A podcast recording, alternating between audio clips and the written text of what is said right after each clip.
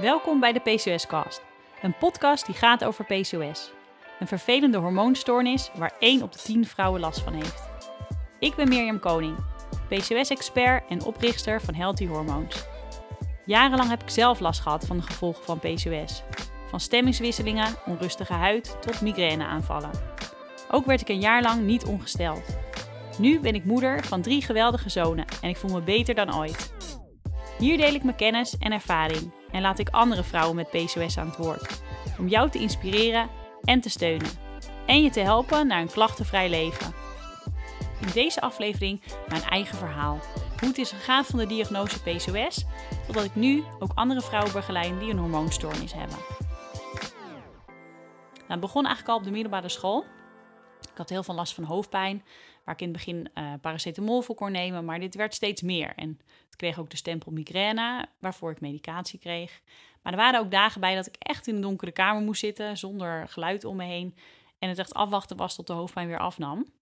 Nou, hier heb ik jarenlang last van gehad. Ik kreeg een relatie met Frank en dat ging uit. En voor mij was dat eigenlijk een moment dat ik dacht, ik ga stoppen met de anticonceptiepil. Die gebruikte ik inmiddels al een jaar of tien. En ik dacht, wie weet heeft dat ermee te maken. Dus als ik ermee stop, zien wat dat gaat doen. Nou, gestopt. En al best snel merkte ik eigenlijk verschil dat die hoofdpijn afnam. Alleen vanaf dat moment werd ik niet meer ongesteld.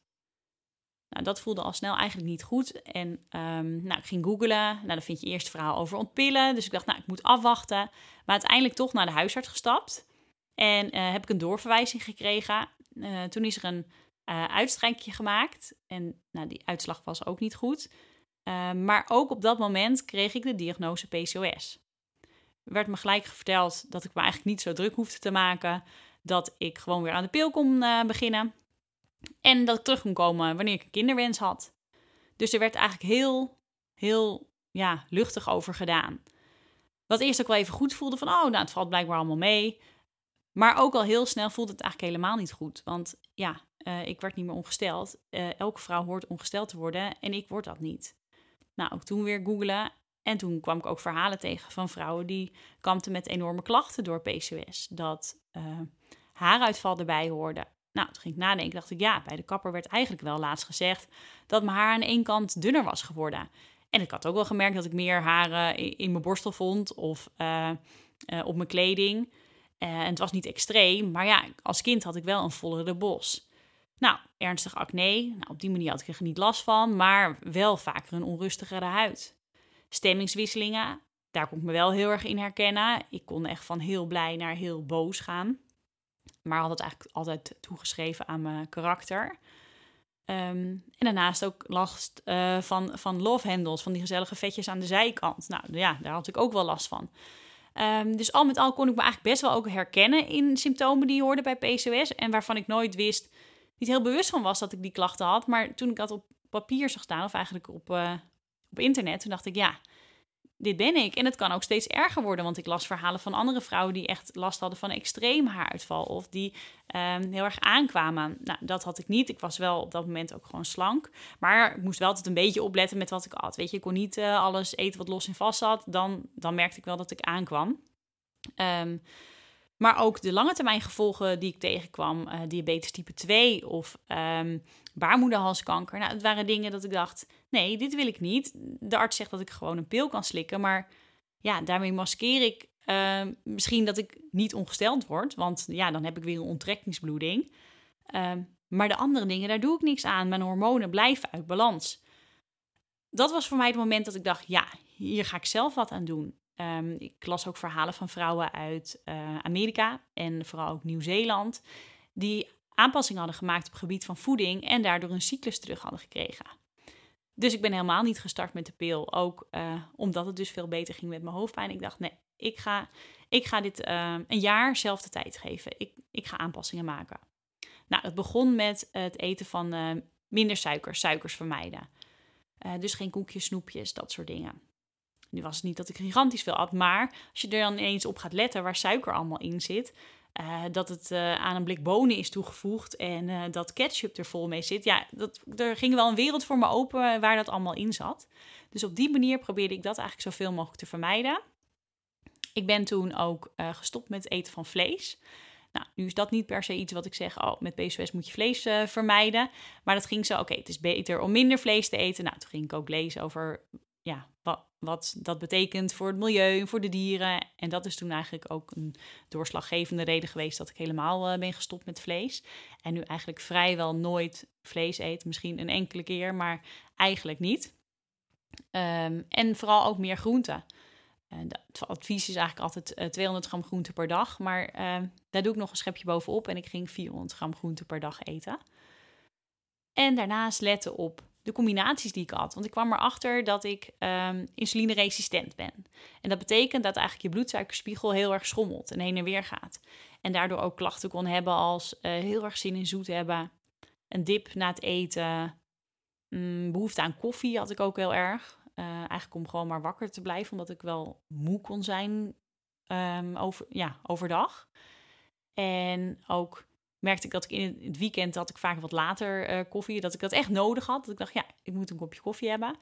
En ook niet echt maaltijden kunnen overslaan. Ik wilde wel echt altijd graag wat eten. Ik was, gewoon, ik was eigenlijk gewoon best wel veel met eten bezig. Dat ik iets moest eten. Um, en dat bleek eigenlijk te komen door die schommelende bloedsuikerspiegel. Dus uh, daar ben ik anders voor gaan eten. Dus ook op uh, bepaalde uh, tijdstippen, echt drie maanden tijden per dag, drie tussendoortjes en allemaal met de juiste combinaties, zodat op het moment dat ik koolhydraten at, ook goede vetten en eiwitten at en dat eigenlijk die bloedsuikerspiegel stabieler bleef. Nou, dat waren eigenlijk in het begin de, belangrijkste aanpassingen. En um, ik heb wat, zeg altijd, er zijn drie pijlers waarop je aanpassingen kan maken. En de eerste daarvan is voeding. De tweede is uh, stressbeperking. En de derde zijn supplementen. Nou, die tweede pijler die kwam eigenlijk voor mij um, meer aan het licht um, op gebied van sporten. Want stress, ik dacht, nou, dat valt allemaal wel mee. Weet je, zoveel stress heb ik niet. Alleen, ik was op dat moment wel uh, fanatiek aan het sporten. Want ik dacht, nou, dat is ook goed. Weet je, je bent bezig met je gezondheid, dus je gaat goed sporten. Nou, ik ging hardlopen. Ook trainen voor de halve marathon. Nou, dat bleek veel, dat bleek veel te heftig. Um, ja, ik vond het op zich leuk om te doen. Ook niet eens altijd. Um, maar die lange afstanden. Ik had verwacht dat ik er dan veel slanker van werd. Maar die, die lavendels die verdwenen helemaal niet daardoor. Terwijl ik fanatieker aan het sporten was dan ik ooit in mijn leven heb gedaan. En toen ik daar meer over ging lezen, toen bleek ook dat dat gewoon te heftig voor me was. Dat uh, op het moment dat ik langer dan 10 kilometer ging lopen, dat, dat ook het hormoon cortisol wordt aangemaakt. Nou, het wordt ook wat stresshormoon genoemd. Uh, en daardoor worden eigenlijk ook suikers vrijgemaakt. En die suikers, nou, die zorgen weer voor dat die bloedsuikerspiegel uit balans is. En die zorgen weer indirect voor uh, een disbalans van hormonen. Dus uh, dat was niet de juiste manier van sporten. Toen werd ik getipt op yoga. Nou, waarvan ik dacht, nee, dat is echt helemaal niks voor mij. Weet je, arm omhoog, voel jezelf een boom. Nee, zo ben ik helemaal niet. Maar goed, ze zei, ga er maar gewoon mee. En dat was destijds een collega van mij. En ik ben dat gaan proberen.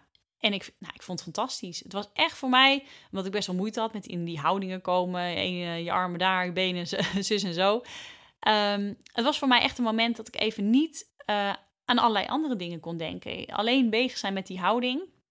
En toen kwam ik er dus ook achter dat er eigenlijk dat ik wel meer stress ervaarde. Dat er gewoon continu dingen in mijn hoofd, dat het maar doorging. Uh, ik had ook wel een drukke baan op dat moment. Ik werkte in de evenementenbranche. Nou, een hardere deadline kun je niet hebben. Dat evenement is dan. Um, ja, alles moest daar dan voor samenkomen. Um, dus ik was dan, ja, lange dagen. Um, en veel, gewoon veel in mijn hoofd. Ook uh, mijn relatie daarvoor, dat, nou, dat heeft veel energie gekost.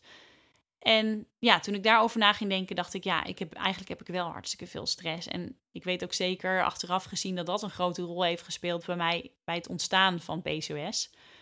En um, dat het gewoon belangrijk is om een rustmoment te pakken. En ook nog steeds nu merk ik dat dat heel belangrijk voor me is. En, en yoga is dat voor mij. Uh, en dat heb ik eigenlijk dus toen bij toeval ontdekt. En dat is nu ook wel wat ik vaak als advies geef. Kijken of je een manier van ontspanning kunt, uh, kunt vinden dat bij jou past. Dus doe iets wat je echt, echt heel erg leuk vindt. Want dat zijn de momenten dat je, dat je kunt ontspannen. Nou, terug naar mijn verhaal. Dus toen dat ook gaan aanpassen. En toen uh, ja, werd ik weer ongesteld. Ja, ik weet dat nog heel goed. De eerste keer dat, nou, dan, dan ga je naar de wc en, en, dan zie je dat bloed in je onderbroek. Nou, ik weet nog van, van daarvoor dat ik dat heel irritant vond. Maar nu, nou, ik, ja, ik ben nog nooit zo blij geweest dat ik ongesteld werd. Echt, yes. wow, het is me gelukt. Ik ben gewoon uit mezelf weer ongesteld geworden. Ehm, uiteindelijk heeft het een jaar geduurd. Ben ik een jaar lang niet ongesteld geworden toen. Ehm, en het is ook zeker niet zo dat mijn cyclus gelijk regelmatig was. Want dat is vaak een vraag dat ik krijg. Weet je, uh, oh jee, ik ben ongesteld geworden. Ja, nu duurt het weer 60 dagen. Ja, dat had ik ook in het begin. Weet je, dat, je kunt echt niet verwachten dat je cyclus van niks naar 28 ehm, dagen gaat. Nee, dat was lang en dat werd steeds korter. En ehm, ik zeg altijd, als het onder 40 dagen komt, dan, heb, dan is de kans groot dat er een ijsprong aan vooraf is gegaan. Want het kan ook dat je een bloeding hebt zonder ijsprong. Wanneer je echt naar onder de 40 dagen gaat, dan is die kans groot dat er een ijsprong is geweest. Dus dat je vruchtbaar bent op dat moment. Nou, met een wat langere cyclus van 40 dagen nog wel wat minder vruchtbaar, want minder vaak in het jaar. Maar ja, wel vruchtbaar. Um, dus mijn cyclus werd regelmatiger. En mijn relatie ging trouwens ook weer aan met Frank. Dus nou, dat werkte ook wel positief aan de stresskant dat ik heel gelukkig was. Toen um, heb ik gekozen voor het koperen spiraaltje. Uh, omdat dat zonder hormonen is. En ik wilde geen anticonceptiepil meer. Maar wel iets van anticonceptie. Dus toen heb ik gekozen voor het koperen spiraaltje. Je wordt dan nog wel gewoon ongesteld wanneer je dat wordt. Dus op die manier kon ik wel nog mijn cyclus monitoren. Uh, en dat bleef goed gaan. Uh, dus ja, daar was ik hartstikke blij mee. Um, wel daarvoor, um, ik was toen 28, hebben ervoor gekozen om spiraaltje te verwijderen. Omdat we toch in ons achterhoofd hadden, weet je, het zou wel eens langer kunnen duren. Ik uh, kreeg toen ook van de arts de mededeling, ja, wacht maar niet te lang met kinderen krijgen.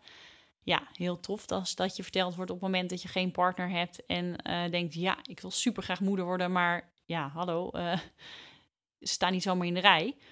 Maar goed, toen dus met Frank. Nou, Frank is ook uh, negen jaar ouder. Dus hij zei ook wel, nou, laten we, dan, laten we ervoor gaan. Weet je, we zien wel hoe het loopt. En ja, in mijn achterhoofd zat toch nog steeds, ja, je weet niet hoe het gaat. Weet je, ik kan wel zien dat, dat ik een cyclus heb, maar of ik nou gelijk zwanger word, ik weet het niet. Nou, spiraaltje werd verwijderd en toch wel, nou, was ook wel een spannend moment, weet je, wow. Um, ja, ook met een echo. Dus op dat moment zei ze wel al, um, ja, ik zie, ik zie veel minder uh, vochtblaasjes. Nou, ik had ook steeds tussendoor, als ik bij artsen was gevraagd, is er iets dat ik zelf kan doen? Nou, steeds was het antwoord, nee, er is niks wat je zelf kan doen. Toen vertelde ik dus ook wel aan haar, ja, ik heb, ik heb aanpassingen gemaakt in mijn voeding en uh, naartoe gaf zij ook toe, weet je, ja, het klopt. Er zijn ook wel onderzoeken naar dat dat, uh, minder suiker eten zou helpen. Nou, er werd nog heel simpel over gedaan. Maar in ieder geval, ze zag echt dat die eierstokken zagen er veel beter uit. En ze zag ook op dat moment dat er een, uh, een ijs aan het groeien was die ja, op eigenlijk op springen stond. Dus ik stond vlak voor een ijsprong. Nou, ik weet nog dat, de auto, dat we in de auto terug zaten en echt dachten, wow, zal, echt, zal ik gelijk zwanger raken? Wow, dus is nu gewoon een eitje die, die, die is aan het wachten om te springen. Nou, dat werd het niet. Ik werd ongesteld. Nou, was eigenlijk natuurlijk ook te mooi om waar te zijn. Um, en toen ook de volgende maand werd ik weer ongesteld. Nou, ik weet ook wel, toen, al, toen vond ik het dus al lang duren. Dat ik dacht, jeetje, ik wil het gewoon zo graag. Maand daarna werd ik niet ongesteld. Testen, negatief. Nou, weer testen. Toen zei ik tegen mezelf, oké, ik moet twee dagen wachten. Weer testen, weer negatief. Nou, toen dacht ik, jeetje, ik, ik moet ook uit mijn hoofd zetten. Ik ben er te veel mee bezig, zie je. PCOS speelt weer helemaal op. En toen um, weet ik nog dat ik met vriendinnen uit eten ging die avond. Ook echt dacht, weet je, wat maakt het uit? Ik neem lekker een dessert. Ik neem een cocktail. Het zal allemaal wel. En op de een of andere manier deed ik twee dagen daarna toch, s ochtends vroeg, toch weer een test. Frank lag nog te slapen.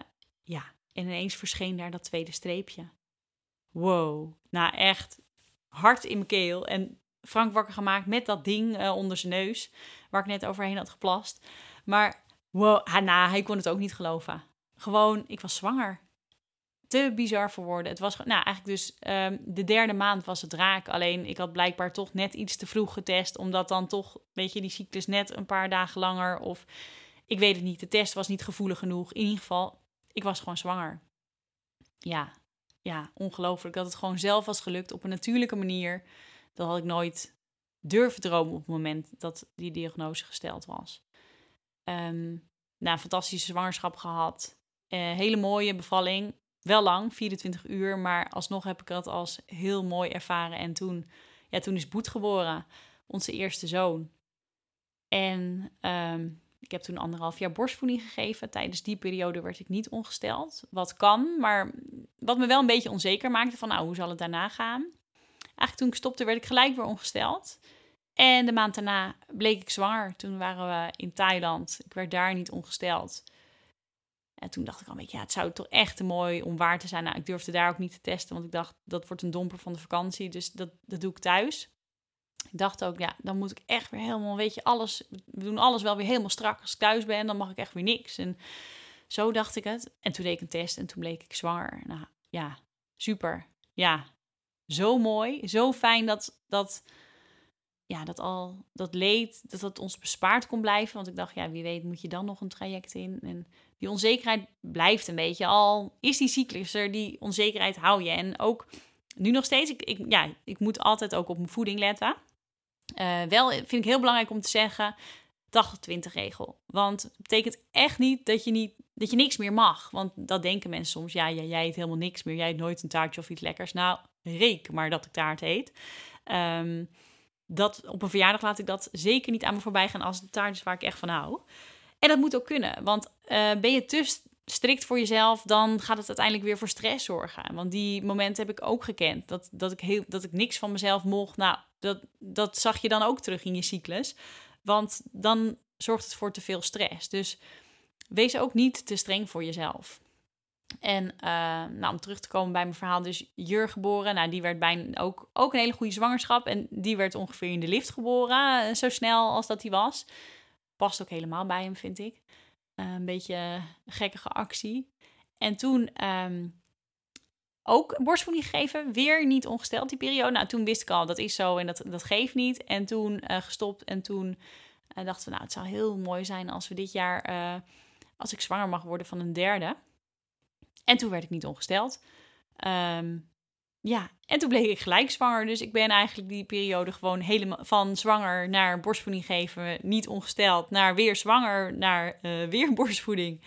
Ja, ja, super gelukkig met onze drie zonen. Echt, ja, als je mij dat had verteld uh, toen ik de diagnose kreeg, dan had ik dat nooit durven geloven. Maar ja, het is zo. En um, eigenlijk vanaf het begin dat ik toen mijn verhaal deelde. Ik had toen een website was ik begonnen met uh, gezonde recepten. Dat was eigenlijk omdat vriendinnen het interessant vonden dat ik anders ging eten. En toen dacht ik, hé, hey, laat ik die recepten gewoon op een website zetten. Dan kan iedereen dat daar bekijken. Nou, die website werd steeds beter bezocht. En toen ging ik mijn verhaal delen met waarom ik eigenlijk anders was gaan eten. En dat was dus doordat ik de diagnose PCOS had gekregen. En dat was het moment dat ik eigenlijk zoveel reacties kreeg van andere vrouwen die zich herkenden in mijn verhaal en toen dacht ik, ja, dit is, hier wil ik iets mee doen. Ik wil die vrouw zoals, zoals ik zelf, die wil ik verder helpen. Er was op dat moment eigenlijk ook nog weinig te vinden in het Nederlands over PCOS. Inmiddels is dat iets meer, maar is het ook best tegenstrijdige informatie, waardoor vrouwen soms ook door de bomen het bos niet meer kunnen zien. Dus mijn doel en missie is nog steeds om informatie te delen en vrouwen op een natuurlijke manier kunnen helpen met hun PCOS-klachten. Of het nou is dat je van je klachten af wil komen of dat je graag zwanger wil worden. Ja, ik ben daar om die vrouwen te begeleiden. En ook of je nou op een natuurlijke manier zwanger wil worden of in het medisch traject, ook dat kan. Want ook als je dan zelf de, de touwtjes in handen neemt, dan is de kans van slagen gewoon vele malen groter. En je kunt je klachten aanpakken op nou, die drie pijlers die ik al noemde. Het maken van aanpassingen in voeding. Twee is dus die, die stressbeperking en de juiste manier van sporten. En de derde is uh, supplementen. Daar ben ik toen ook mee, uh, mee gestart met het slikken van verschillende supplementen. Nou, daarbij vind ik het goed om te vertellen: weet je, ga niet van alles uh, slikken, maar kies voor goede, hoogwaardige supplementen. want je kunt liever weinig van goede kwaliteit slikken dan dat je van alles gaat slikken. Want dan ga je ook synthetische stoffen slikken, waarmee je ook weer je lever belast. Dus liever minder, maar goed, um, dan dat je van alles door elkaar gaat slikken. Nou, voor mij, voor insulineresistentie, ja, was degiro-inositol echt de oplossing. Daar, ja, ik merkte daar gelijk verschil doordat ik me stabieler voelde en meer energie kreeg. En dat heeft zeker ook geholpen bij, um, bij het terugkomen van mijn cyclus. En nog steeds heb ik daar baat bij. Ik merk echt verschil als ik dat wel of niet neem. En daarbij is uh, Six Sense ook een hele mooie ondersteuning met natuurlijke stoffen. Zoals kaneelextract, groentee-extract, chroom, vitamine D, mangaan. Allemaal stoffen die te maken hebben met het stabiel houden van die bloedsuikerspiegel.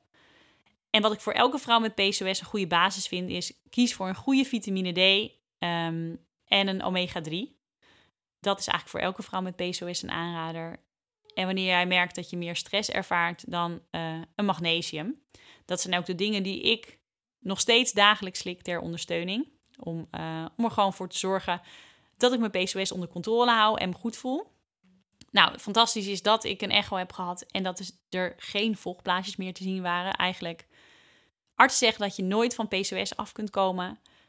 Maar um, ik vind van wel. En waarom ik dat zeg is, wanneer er geen dossier bekend zou zijn en ik zou dan naar een arts stappen, kun je kijken of ik PCOS heb en ze zien geen vochtblaasjes en je hormoonwaarden zijn goed, ja, dan wordt die diagnose niet gesteld. Dan ehm, zou je die diagnose gewoon niet krijgen. Dus in mijn ogen kun je ervan afkomen. Tuurlijk moet je er rekening blijven houden. Het is zeg maar je zwakke plek. Maar echt, je kunt van je klachten afkomen. En uh, wat ik hoop is dat ik door mijn verhaal jou kan inspireren en motiveren. En steun kan bieden. En uh, door de tips die ik, die ik geef. En uh, in andere podcasts ook nog ga geven. is dat ik jou help naar ook een klachtenvrij, PCOS-vrij leven.